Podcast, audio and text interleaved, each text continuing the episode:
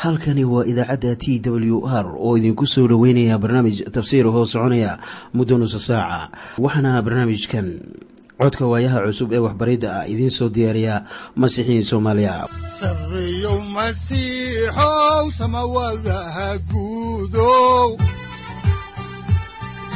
Siraadkii adduunkow subanaha eebow sareyow masiixow samawadaha guudow siraadkii adduunkow subanaha eebow adigoo samaada jiro ifkaan soo saldhiganba adigoo samaada jiro ifkaan soo saldhiganba kutubtiisanaaye wuxunogu saaciiday sharxin sifahaaga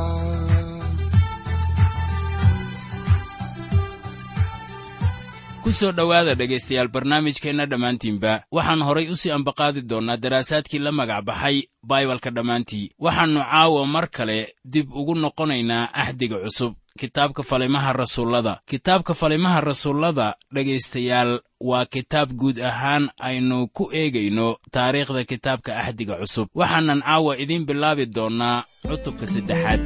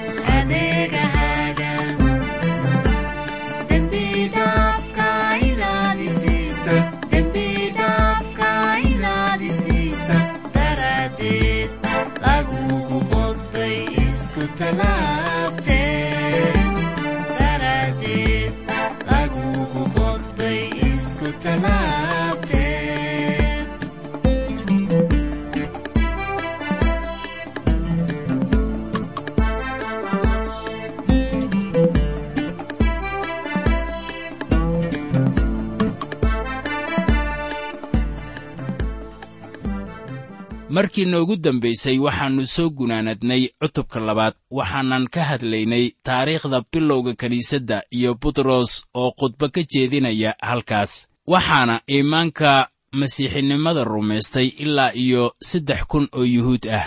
Waxaanan idiin sheegnay in kiniisadihii hore ay lahaayeen kororsiimo joogto ah iyo wadawadaagidda iyo tukashada haddaan cutubkan saddexaad idiin bilowno ayaannu ku hormarinaynaa inaan bal eegno mawduuca uu ka hadlayo. Waxaana weeye mucjisooyinkii kiniisaddii ugu horraysay iyo khudbadii labaad ee butros waxaan weli ku jirnaa qaybta koowaad ee kitaabka falimaha rasuullada oo inoo muujinaya ciise masiix oo ku shaqaynayo awoodda ruuxa quduuska ah oo howl ka dhex wada rasuulladii joogtay yeruusaalem waxaannu soo aragnay dhalashadii kiniisadda ee maalintii bentekost oo ah maalin aan maalmaha kale lagu tirinin. Waxaa haddaba jiray kiniisad waayo ruuxa quduuska ah ayaa noloshooda siiyey dhalashada cusub. Wuxuu ka buuxsamay rumaystayaasha oo wuxuuna ka buuxiyey jacayl awood iyo barakada adeegga ama khidmaynta. Dacooyinkaasuna waa kuwo taariikhda magac ku leh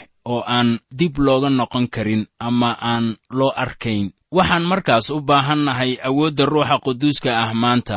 Ilaah baa mahad leh inuu weli dunida joogo oo uu dadkana dembiyadooda garansiinayo oo uu haddana xakamaynayo sharka dunida. Mana ahan inaan baarno ama raadinno wuxuu ku jiraa rumaystayaasha ciise masiix rumaysan oo dhan. Cutubka saddexaad waxaannu ku arki doonnaa iyadoo la bogsiinayo mid curyaan ah sida ku qoran aayadaha kow ilaa kow iyo toban. Waxaa kaloo aan ku arkaynaa hadallada soo jiidashada iyo runtaba leh ee butros sida ku qoran aayadaha laba iyo toban ilaa lix iyo labaatan. Haddaan iminkana ugu hormarinno curyaankii la bogsiiyey ayaannu ku bilaabaynaa maaddada ah. Bogsiinta ninkii curyaanka ahaa. Haddaan markii ugu horraysay idiin bilowno cutubka saddexaad ee falimaha rasuullada ayaannu eegaynaa aayadda koowaad ee baalka laba boqol kow iyo toban ee axdiga cusub. Waxaana qoran sida tan haddaba saacaddii sagaalaad oo wakhtigii salaadda ah ayaa butros iyo yooxanaa macbudka tageen. Waxay u muuqataa in saacaddu ay tahay fiidkii marka la bixiyo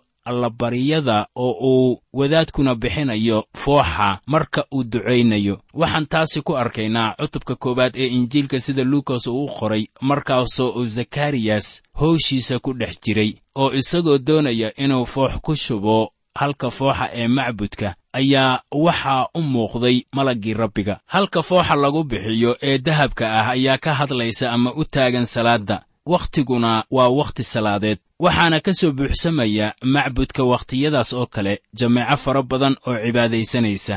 Haddaan horay idinku sii wadno xigashada kitaabka ayaannu eegaynaa falimaha rasuullada cutubka saddexaad aayadda labaad waxaana qoran sida tan waxaa la soo qaaday nin curyaannimo urkii hooyadiis kala soo baxay oo maalin walba la agdhigi jiray albaabka macbudka oo la odhan jiray qurux badane inuu kuwa macbudka gelayay dawarsado ninkan wuxuu ku dhashay curyaannimo waxaana maalin waliba la keeni jiray macbudka oo wuxuu fadhiyi jiray albaabka macbudka. Waa wax la yaab leh in ilinka uu fadhiyi jiray la odhan jiray ilinkii quruxda badnaa. Waa ilin qurux badan waxaana fadhiyi jiray nin la xambaarsan yahay oo curyaan ah. Haddaba dadku wax qurxoon way samayn karaan laakiin xaaladahooda sare uma qaadi karaan waxay samayn karaan waxyaabo qurux badan oo bannaanka ah laakiin gudahooda ma wanaagsana. Waxaa markaasi inta yaalla nin curyaannimo kaga soo baxay uurkii hooyadiis oo ag fadhiya albaab qurux badan. Wuxuu halkan u yimid inuu dawarsado oo sidaasuu nolol maalmeedkiisa ku raadsan jiray. Bal aan eegno waxaa curyaankan ku dhacay. Innagoo ka akhriyayna kitaabka falimaha rasuullada cutubka saddexaad aayadda saddexaad waxaana qoran sida tan. Isagu markuu arkay butros iyo yooxanaa oo ku dhow inay macbudka galaan ayuu dawarsaday iyaga. Waxay tanu muujinaysaa wixii ka dambeeyey maalintii bentekost in butros iyo yooxanaa ay weli ku soo socdaan macbudka si ay halkaasi ugu cibaadaystaan. Rumaystayaasha oo dhan ee jooga yeruusaalem waxay ahaayeen reer banu israa'iil. Markaasaa waxaa arkay miskiinkii dawarsanayey wuxuuna filayey inay xoogaa lacag ama nooli ah ku soo tuuraan. Haddaan qisada ka akhrinno wixii dhacay ama wixii dhex maray ayaa waxaa ku qoran kitaabka falimaha rasuullada cutubka saddexaad aayadaha afar ilaa shan sida tan. Markaasaa butros oo yooxanaa uu la socdo. Intuu aad u fiiriyey isaga ku yidhi na soo eeg markaasuu u fiirsaday iyaga isagoo filanaya inuu iyaga wax ka helo. Markii ay dareenkooda u soo weeciyeen ninkan dawarsanayay oo curyaanka ah ayay la noqotay inay wax siinayaan. Haddaan horay uga sii soconno ayaa waxaa ku qoran aayadda lixaad ee cutubka saddexaad sida tan laakiin butros baa ku yidhi lacag iyo dahab midna ma haysanno laakiin waxaan haysannaan ku siinaynaa. Magaca ciise masiix kii reer naasaret ku soco berigaas kiniisaddu wax qarash ah ma aysan haysan laakiin maanta waxaa jira kiniisado badan oo lacag haysta. Waxaabaad arkaysaa in kiniisadaha qaarkood ay ka hanti badan yihiin ururada waxaana asbaab u ahaa salaaddii iyo tukashadii mu'miniintii hore ay kiniisadda koritaankeeda u ducaynayeen. Haddii aynu ducaysanno aan ilaah barinno waxaa hubaal ah inay jirayso kiniisad soomaaliyeed oo daryeesha masaakiinteeda. Bal iminkana waxaad eegtaa wixii butros uu sameeyey. Markaan qisada ka soo xiganayno falimaha rasuullada cutubka saddexaad aayadda toddobaad waxaana qoran sida tan markaasuu intuu gacanta midigta ah ku dhegay ayuu sare kiciyey oo markiiba cagihiisii iyo anqawyadiisiiba waa xoogaysteen waxaad xusuusataa in qisadan ay ku qoran tahay kitaabka falimaha rasuullada. Uu qoray ditorlukos waxaanaad garanaysaa marka ditorlukos wax uu ka qorayo mucjiso inuu ka baaraandegayo oo uu si tafatiran oo ka bayaansan qoraallada kale uu wax u qoro. Wuxuu si muuqato u sheegayaa wixii dhacay. Wuxuuna leeyahay itaaldarradiisu waxay ka imaanaysay anqawyada iyo cagaha haddaan horay idinku sii wadno qisada ayaa waxaa ku qoran falimaha rasuullada cutubka saddexaad aayadda siddeedaad sida tan. Intuu kor u booday ayuu istaagay oo socod bilaabay markaasuu iyaga macbudkii la galay isagoo socda oo boodboodaya oo ilaah ammaanaya. Saaxiibayaal yaanay idiin seegin marka uu leeyahay intuu kor u booday laba goor ayaa lagu noqonayaa kor u boodistan. Haddaan eegno aayadda siddeedaad haddaba cutubkan waa mid xiise leh. Waxaannu ogaan doonnaa in butros kiniisadda uu u soo gudbiyo quruumaha waayo haatan waxaa maamula oo keliya yuhuud. Haddaba laga heli maayo dad dibadda ka yimid oo aan yuhuud ahayn oo xubno ka ah kiniisadda kiniisaddu waxay ku bilaabatay yuhuuddii reer yeruusaalem. Wakhtigaasuna wuxuu ahaa mid soconaya. Sayid ciise masiix wuxuu yidhi waxay ka bilaabmaysaa yeruusaalem ilaa iyo daafaha dunida. Mar kale ayaa boqortooyadii ilaah la siiyey reer banu israa'iil. Taasina waxay ahayd fursadii u dambaysay ee ay helaan. Haddaan eegno calaamadaha lagu aqoonsanayo boqortooyada sidaan horay idinku soo sheegnay ayaa waxay tahay in curyaanka la bogsiiyey ama ay sidii deerada u boodayaan. Waxaa ishaaciyah cutubka shan iyo soddonaad aayadda lixaad ee baalka sagaal boqol sagaal iyo toban ee axdigii hore uu leeyahay sida tan oo markaasaa ninkii curyaan ahu wuxuu u boodi doonaa sida deerada oo kale. Carrabkiisuna wuu gabyi doonaa waayo cidlada biyaa ka soo burqan doona oo lamadegaankana durdurraa ka soo bixi doona. Qof waliba oo maalintaasi macbudka joogay wuxuu la yaabay ninkan curyaanka ah oo bogsaday waxaanay garanayeen intanu ay tahay bilowga boqortooyada. Ciise masiix waa la qodbay oo dhimashadiina laga sara kiciyey. Dabeetana samadaa loo qaaday wuxuuna haatan fadhiyaa gacanta midig ee ilaah. Haddaan horay idinku sii wadno xigashada kitaabka falimaha rasuullada ayaannu eegaynaa cutubka saddexaad aayadaha sagaal ilaa toban. Waxaana qoran sida tan dadkii oo dhammuna waxay arkeen isagoo socda oo ilaah ammaanaya. Markaasay waxay garteen inuu isagu yahay kii albaabkii quruxda badnaa agtiisa dawarsiga u fadhiisan jiray. Markaasay yaab iyo amakaag ula dhinteen wixii ku dhacay isaga. Haddaba dadkii way arkeen markaasay aqoonsadeen isaga. Markaasay garteen ahmiyadda mucjisadani ay leedahay waxaan ka baqayaa inay jiraan kuwo badan oo aan garanin qoraalkan uu ditorlukos ina siinayo. Haddaan horay idinku sii wadno xigashada kitaabka oo aan eegno falimaha rasuullada cutubka saddexaad aayadda kow iyo tobanaad ayaa waxaa qoran sida tan. Oo intuu butros iyo yooxanaa ku dhegganaa ayaa dadkii oo dhammu ay ku soo wada ordeen balballadii la odhan jiray balballadii sulaymaan iyagoo aad u yaabsan.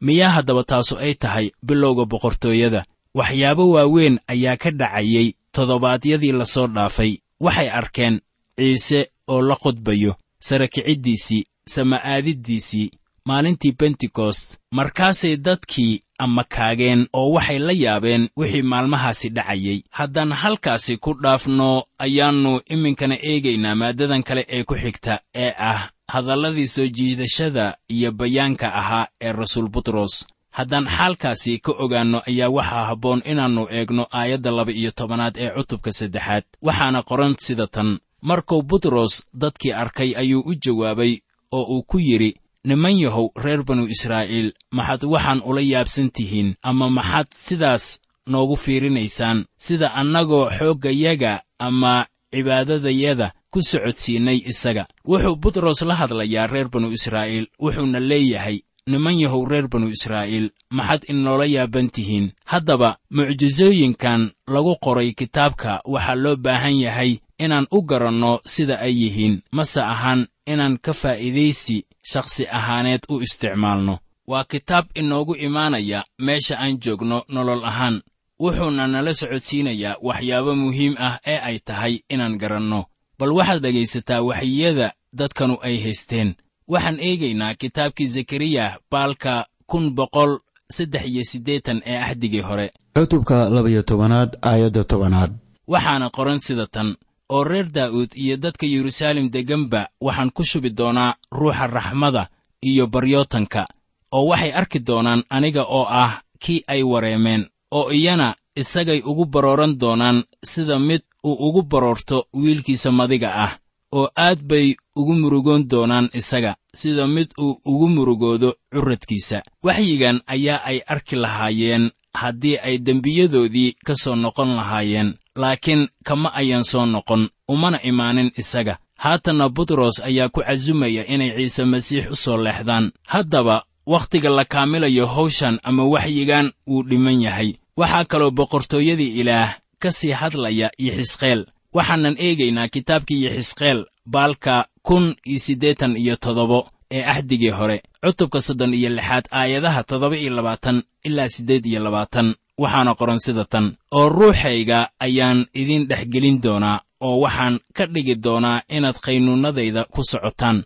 Xukuumaddaydana waad xajin doontaan waadna samayn doontaan oo waxaad degganaan doontaan dalkii aan awoowayaashin siiyey oo dadkaygii baad ahaan doontaan aniguna ilaahiinnan ahaan doonaa.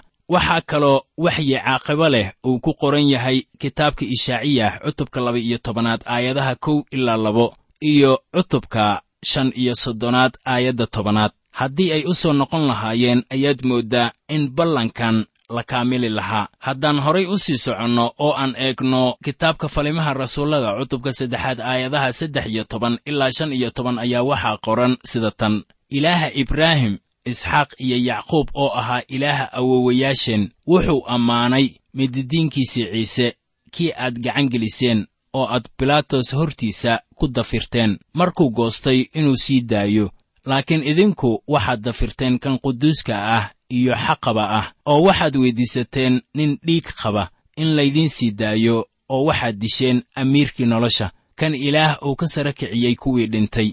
Annaguna markhaatiyaal baannu ka nahay.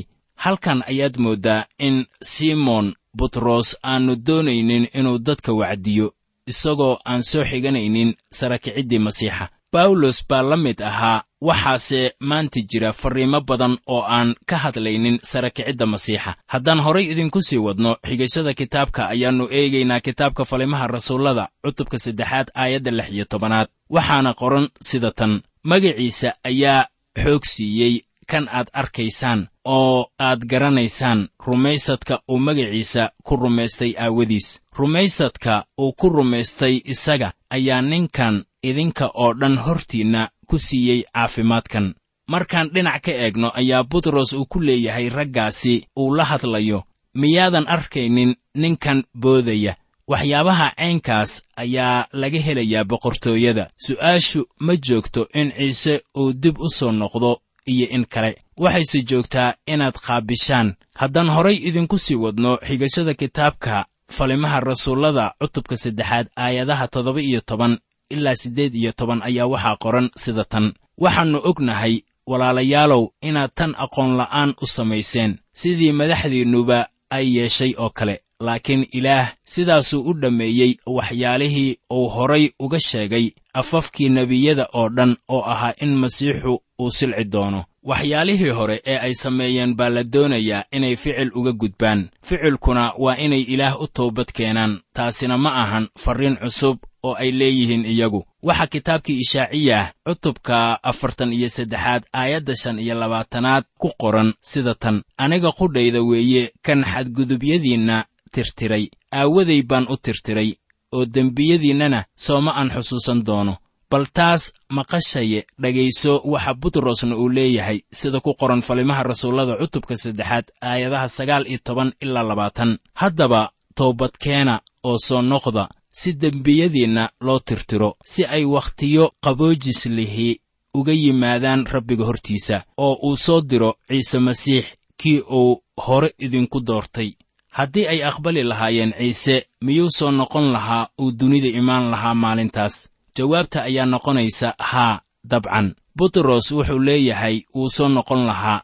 Haddaba su'aal kale ayaa soo baxaysa oo waxaa la odhan karaa miyaa taasu ay noqon lahayd barnaamijkii ilaah? Si kale oo looga jawaabi karo taas male laakiin waxaan kuugu leeyahay waxaa jira su'aalo badan oo ka imaanaya marka aynu leennahay haddii sidaas iyo sidaas ay dhici lahayd sidaas iyo sidaas ma dhacdeen. Haddaan horay idinku sii wadno xigashada kitaabka ayaa waxaa ku qoran aayadda kow iyo labaatan ee cutubka saddexaad sida tan. Kan ay waajibka tahay inay samadu aqbasho tan iyo wakhtiyada la soo celinayo wax walba oo ilaah uu kaga hadlay afkii nebiyadiisii quduuska ahaa tan iyo bilowga. Dadka qaar ayaa aayaddan u qaata in qof waliba horay loo badbaadiyey marka la leeyahay tan iyo wakhtiga la soo celinayo waxa weeye soo celinta israa'iil. Markaana ma jirto ama la heli maayo waxyi lagu soo celinayo dunida sharka ah ee aan ilaah raacin. Haddaannu horay idinku sii wadno xigashada ayaa waxaa ku qoran aayadaha laba iyo labaatan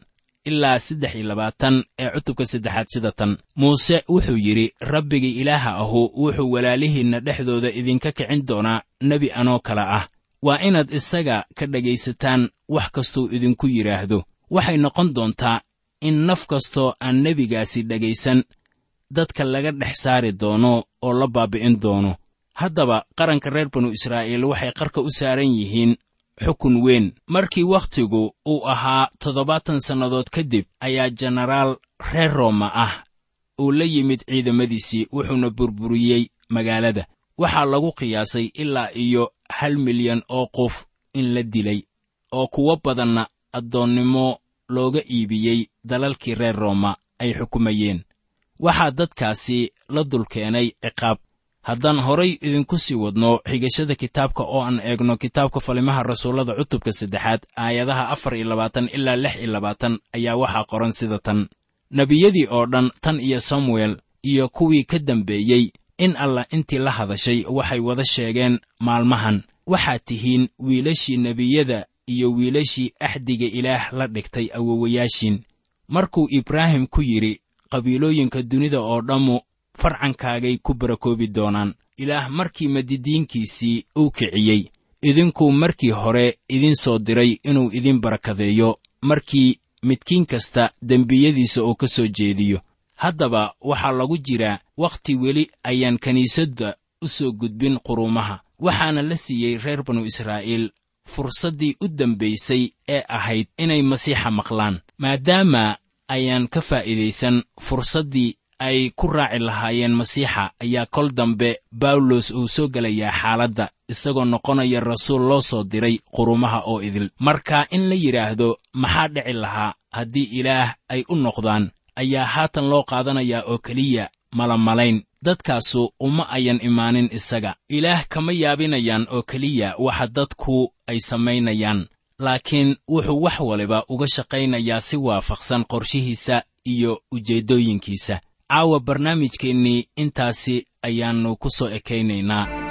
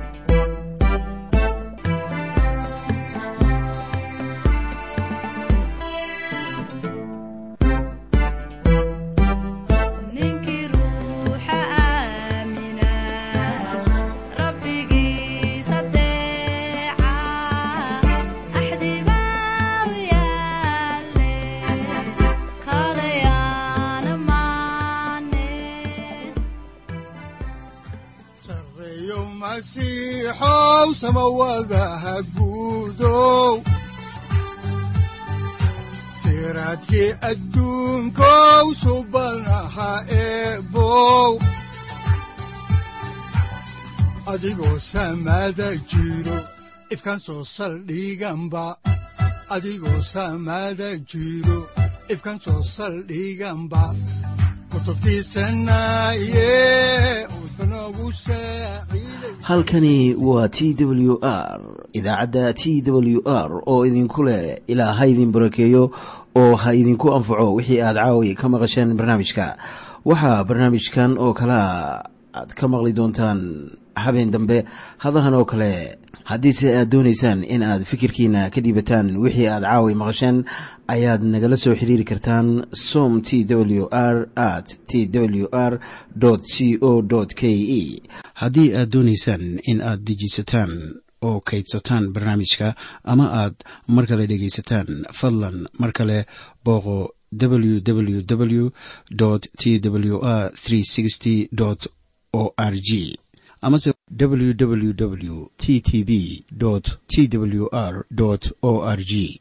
Amase waxaad teleefoonkaaga ku kaydsataa ama ku download garaysataa agabyada ku sahli karaa dhegeysiga t w r haddii aad doonayso in laga kaalmeeyo dhinacyada fahamka kitaabka amase aad u baahan tahay duco fadlan fariimahaaga soo mari bogga aaraahda ama kommentska inana jawaab degdeg ah ayaanu ku soo diri doonaa amase ku siin doonaaye.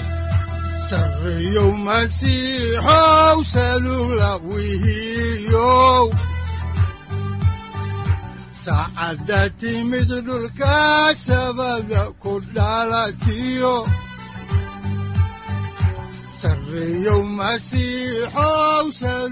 halkani waa t w r oo idiin rajaynaya habeen baraare iyo barwaaqaba leh. Inta aynu ka gaari doono wakhti aynu ku kulanno barnaamij la mida kan caawayay aad maqasheen. Waxa aan idinku leeyahay nabadda ciise masiix ha idinku badato xagga jirka iyo ruuxaba. Aamiin